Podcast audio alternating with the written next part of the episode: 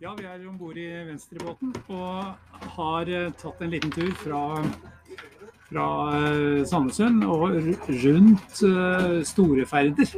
Og her er med meg Per Espen Fjell, eh, som har vært her noen ganger før. Det har vært mye. Ja, Ja. senest i, i dag i pensjonistenes rekker etter en, eh, et langt liv som i, i, i naturvernets tjeneste, så å si. Statens naturoppsyn, som du sluttet i i dag. Ja, Også der har du hatt jobb her ute. ja, da jeg begynte jo eh, som tiåring her ute i skjærgården med fuglestasjonen, som vi ser inn på landet her nå, inn på Storefeider, så ser vi hytte, og det er eh, Storefeider ornitologisk stasjon. Her begynte jeg som tiåring, som sagt, og her har det vært eh, registrering av fugletrekk i, eh, helt siden det. Så det er, det er kanskje en av de lengste tidsseriene på overvåkning av naturtilstand som er her i Ytre Oslofjord. Den har foregått inne ved denne lille hytta der, med ringmerking av eh, titusenvis av fugl. Nå, nå er vi på, etter hvert da, på vei inn mot verdens ende, men også hele det området her altså det, er jo, det er jo Norges største øykommune, egentlig, som bare har eh, areal på, på øyer. Eh, og, og det ligger jo Det er jo ikke rart det heter verdens ende her, for det ligger jo rett mot, eh, rett mot kontinentet. ikke sant? Men det er jo ikke rart at, at dette her er et veldig eh, interessant område for fugl. Nei, det, det er helt riktig. Det er eh, Hvis du prøver å sette deg selv i litt fugleperspektiv, da, komme ovenfra og tenke at du er på vårtrekk mot Norge og skal passere Skagerrak, så noe av det første du ser når du nærmer Norge, det er øy, øyene her sånn. Og Storefeider, som er en av de ytterste øyene med en del vegetasjon på, den blir en sånn kjærkommen eh, landingsplass å gå ned og hvile for fugl som kommer innover. Og Det er litt væravhengig hvordan det er, særlig hvis det ligger litt tåke på land. Så kan det lande altså hundrevis og tusenvis av fugl på den øya liksom på en dag for å hvile. Og på høsten så er det siste landfaste holdepunktet på vei eh, sørover. Som også gjør at det er et sånt kjærkomment sted. Og vi vet at fugl som da stopper på Sorefeider på vei sørover, de, de kan være der noen dager og, og spise seg opp og raste og hvile før de setter da kursen over havet og eller over mot svenskekysten. Ja, og her hekker de også. Hekker mye fugl, eh, ja. Eh, Det er mest sjøfugl som hekker i området her. eh, En og annen som ellers på øya. Men det som er lett å, lett å glemme litt sånn når det gjelder øyene her ute, og viktigheten for er særlig småfugl, altså spurvefugl, som folk, eh, folk tenker mest på sjøfugl der ute. Men spurvefugl som bruker øyene som rasteområde, de er avhengig av den krattskogen og den, den, alt det der kratt og småskogen som er rundt omkring. For inni den der så finner de mat, og der finner de ly når de mellomlander og hviler. Og så snakker vi hele tiden om at Norge gror igjen.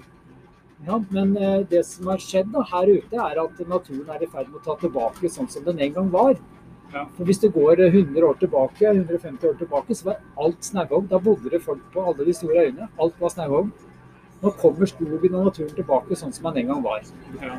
Så det er, dette er en balanse mellom da tilrettelegge for friluftsliv og åpent landskap, og faktisk gi naturen mulighet til å være sånn som naturen er. Ja, men disse øyene har man ikke lov å gå på før, eh, før 15. juli. Nei, Stor altså, ja, Storeferd er det lov å gå på, men Knapp, Langøya, deler av Hoftøya masse andre sjøfuglreservat skal være freda for ferdsel. Og da er det sjøfuglene vi snakker om da, som hekker her. De er jo ikke avhengig av noe vegetasjon sånn sett. De er avhengig av liv i havet, og der står det heller ikke så bra til. Nei, ja, hva er utviklingen på, på, på mangfoldet av eh, fuglearter i, i dette området? Nei, det er uh, ganske tragisk, egentlig. Sjøfuglbestandene, altså måkebestandene, ternebestander, de stuper, rett og slett. Det er, er veldig stusslige forhold. Det går ned og ned. Noen arter øker veldig. Eh, Grågåsa har alle her ute sett eh, gå veldig opp. Første grågåsa hekka i området her i 1981 eller noe sånt. Og, det, og, og nå er det noen tusen grågås her i Vestfold. Så det er en suksesshistorie for gåsa. Men for terner, måker, ærfugl så er det ikke så lyse utsikter. Nei, og Det henger jo selvfølgelig sammen med tilstanden i fjorden. Tilstanden i fjorden, som er en kombinasjon av eh, det store saken som er klima. Klimaet endrer seg, havet blir varmere. Vi ser at eh, vegetasjonen under vann, altså tareskogen, nå, har vært i en enorm endring. Eh, Oppvekstområdene for masse fisk er borte, rett og slett. Og ja, det er store endringer. Og så har vi i tillegg da det at Ytre Oslofjord er jo egentlig det området hvor de tre største elvene i Norge kommer ut. Ja. Altså Drammenselva, Glomma og Lågen renner alle sammen ut her. og De vasker med seg masse næringsstoffer. Eh, og ikke minst kombinert med klima som gjør at vi får milde vintre med større del av vinternedbøren som regn og nypløyd mark innover på land, Ja. så får vi da partikler og næringsstoffer sprøyta ut i fjorden her. Og det er uhyre vanskelig å gjøre noe med det. Veldig vanskelig å gjøre noe med det. Klima er et langsiktig prosjekt. Eh, akkurat avrenning i elver er kanskje mulig å gjøre noe med, for det, det dreier seg om landbrukspolitikk også. Ja. Vi er, vi er jo i Venstre ikke noe særlig glad for at eh, høstpløyinga ble tillatt igjen i 2013. Nei, det er litt paradoks egentlig, for vi vet jo konsekvensen av det. Eh, og jeg skjønner jo heller ikke hvordan det for bøndene kan være lønnsomt å sende så mye næringsstoffer på havet. For dette må erstattes med gjødsel på et eller annet tidspunkt. Og vi ser at noen høst ble jo ikke, det er andre måter å drive jorda på. Så, hvor det lar seg gjøre å unngå det. Da. Men eh, tilbake til fuglene. Du sa at vi har lange tidsserier med tellinger eh, fra, fra 60-tallet og framover. Ja, Det, det syns jeg er veldig viktig. for Fuglestasjonen som sitter på det. altså Her er det hundretusenvis av fugl merka. Det er eh, kartlegging av fugletrekk. Og nå gjøres det mye analyse ved fuglestasjonen som viser tidsforskyvinger. Det viser endringer i bestander. Dette er overvåkningsparametere som er, er rett og slett beviser på en måte klimaendringene. Vi ser at de, noen arter eh, klarer seg godt, mens andre går eh, rett ned. Og det kan kobles til hva slags trekkruter vi har og hvor klimaavhengige de er, da, for å si det sånn. Ja. Så dette er eh, lange tidsserier er det vi trenger for å lese sammenhenger i naturen, altså lese endringene som nå foregår. Ja.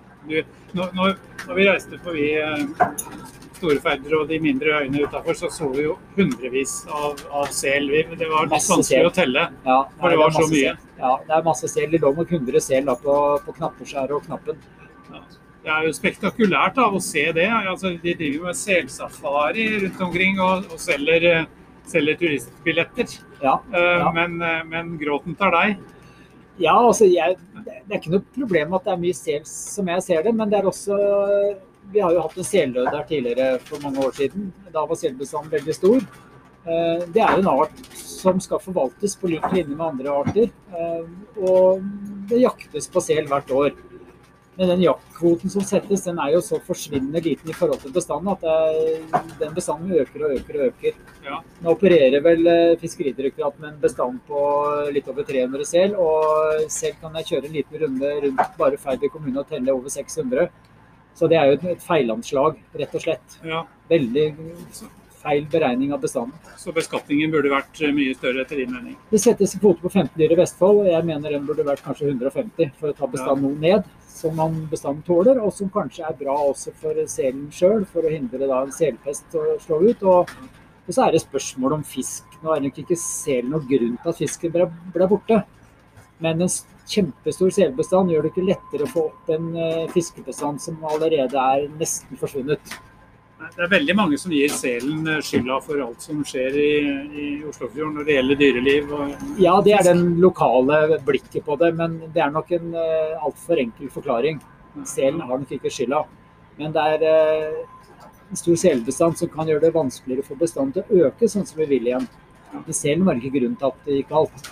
Hvis du stikker nesa ned i vannet her med en dykkermaske på, så ser du hvordan tannlegestasjonen ser ut nå. Nå er det ikke tann på fjellet lenger. Det er eh, et sånt tynt belegg, nesten sånn semskabelegg av trådalger. Der var det før tareskog, så var det oppvekstområde for fisk. Så det, det fins ikke. Så mat, maten til fisken blir borte. Eh, skjul for fisken blir borte. Mm. Eh, dette er mye klimarelatert. Har en helt annen havtemperatur. Vi får inn nye arter også som kommer eh, langveisfra, sånne fremmede arter som japansk drittang f.eks. Som du finner i mange sund nå. Stillehavsøsters kler fjellet bortover mange plasser. ja. ja, det er et paradoks i det med stillehavsøstersen, som egentlig er en, eh, er en veldig matnyttig art. Ja, den er veldig god å spise. Ja. Absolutt. For dem som liker det. Ja, jeg liker den. Jeg- griller den med å strø på litt lime og litt parmesan. Enkelt og greit, så spis den opp. spis det reint. Men eh, når vi nå runder verdens ende, så, så kommer vi inn i, i Vestfjorden. Og, og Vestfjorden er eh, Der er det altså eh, Når det kommer sånne regnskyll som som som det var i går, så, og Aulelva eh, renner stor, Ja. da ser du at det er uklart vann nesten helt ut i verdens ende. Det er, det, er, det er, jo et klart bevis på det du sier, om at dette henger sammen med bl.a. jordbruket. Ja da, partikler eh, kommer ut, rett og slett. Ja. Og det gjør at, eh, at lyset ikke uh, når den dybden det skulle nå for å få den rette tareskogen. Det, det, helt, det er helt riktig. En del av forklaringen med tareskogen er havforskning har sagt er kobla til lys og, og lysgjennomtrenging. Så tareskogen i dag er i hvert fall uh, er, det går bare halvparten så langt ned i vannmassene som man gjorde før. Ja. Så, og, og, så er den helt annerledes. Ja. Så er, vi, vi, ser en hel økosystemendring. Det er en fullstendig endring av hele økosystemet under vann her. Ja. Men nå har vi også fått en tiltaksplan ja. for, eh, for Oslofjorden. Det er en, eh, du karakteriserer det som en god begynnelse? Det er en god begynnelse, eh, og det er nok et langt løp å gjøre. Rett og slett. Og mange ting som må spille sammen. Hva, hva, tror du nå om eh, den nærmeste framtida for eh, tilstanden i Tjåen? Jeg tror vi kommer til å slite med den tilstanden her ganske lenge. Jeg tror det, dessverre. Og er nok en del endringer vi aldri kommer til å få gjort noe med de nærliggende tingene som vi fra norsk side kan gjøre alene, i tillegg til selvfølgelig det store bildet med klima, men de nærliggende tingene er jo da landbruk og avrenning. Ja. Der er det mulig. Altså Nedbørsfeltet for de elvene vi nevnte i stad, mm. altså Glomma, Lågen og, og Drammenselva, det er jo mer eller mindre hele Østlandet. Ja.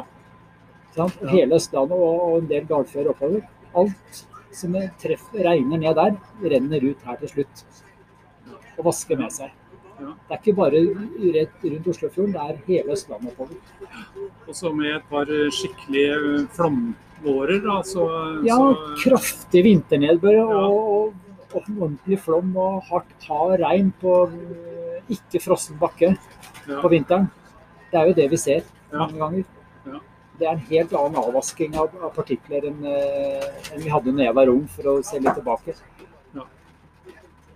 Men vi får uh, ta oss sammen. Ja, det er, det er, mange oppgaver å gjøre. Også politisk. Ja, politisk. Og så tenker jeg det er bra også å vedlikeholde eh, den overvåkinga som er. For det er det som forteller oss hvordan det går. Ja. Altså Sjøfugltellingene som har pågått her siden uh, 60-tallet. Uh, overvåking av fugletrekket og, og registrering av arter og endringer i sånne ting som har pågått så lenge, det må vedlikeholdes. For det er på en måte indikatoren som forteller oss noe om hvordan dette foregår. Det gjør at vi kan forstå økologien og forstå de biologiske endringene. Og vil også avsløre at nå er vi på rett vei når vi kommer dit. Ja. Så det er viktig. Det var en optimistisk slutt, da. En liten, eh, liten ja. sats. Også, ja da, vi må jo tro at vi gjør dette for å kunne se positive endringer også. Så ønsker vi deg velkommen tilbake når vi kommer til Kragerø. Ja, det gleder jeg meg til. Ja. Det er en eh, litt annen type bebyggelse enn det er akkurat her ute på verdens ende. Men uh, nå kommer vi faktisk til lands her. og der Nå er vi snart inne bak moloen. Der venter det en del folk som skal mønstre på, og så går skuta videre til Sandefjord. Og så ses vi igjen i morgen. I hvert fall noen av oss der. Takk for en frisk seilas. I like måte.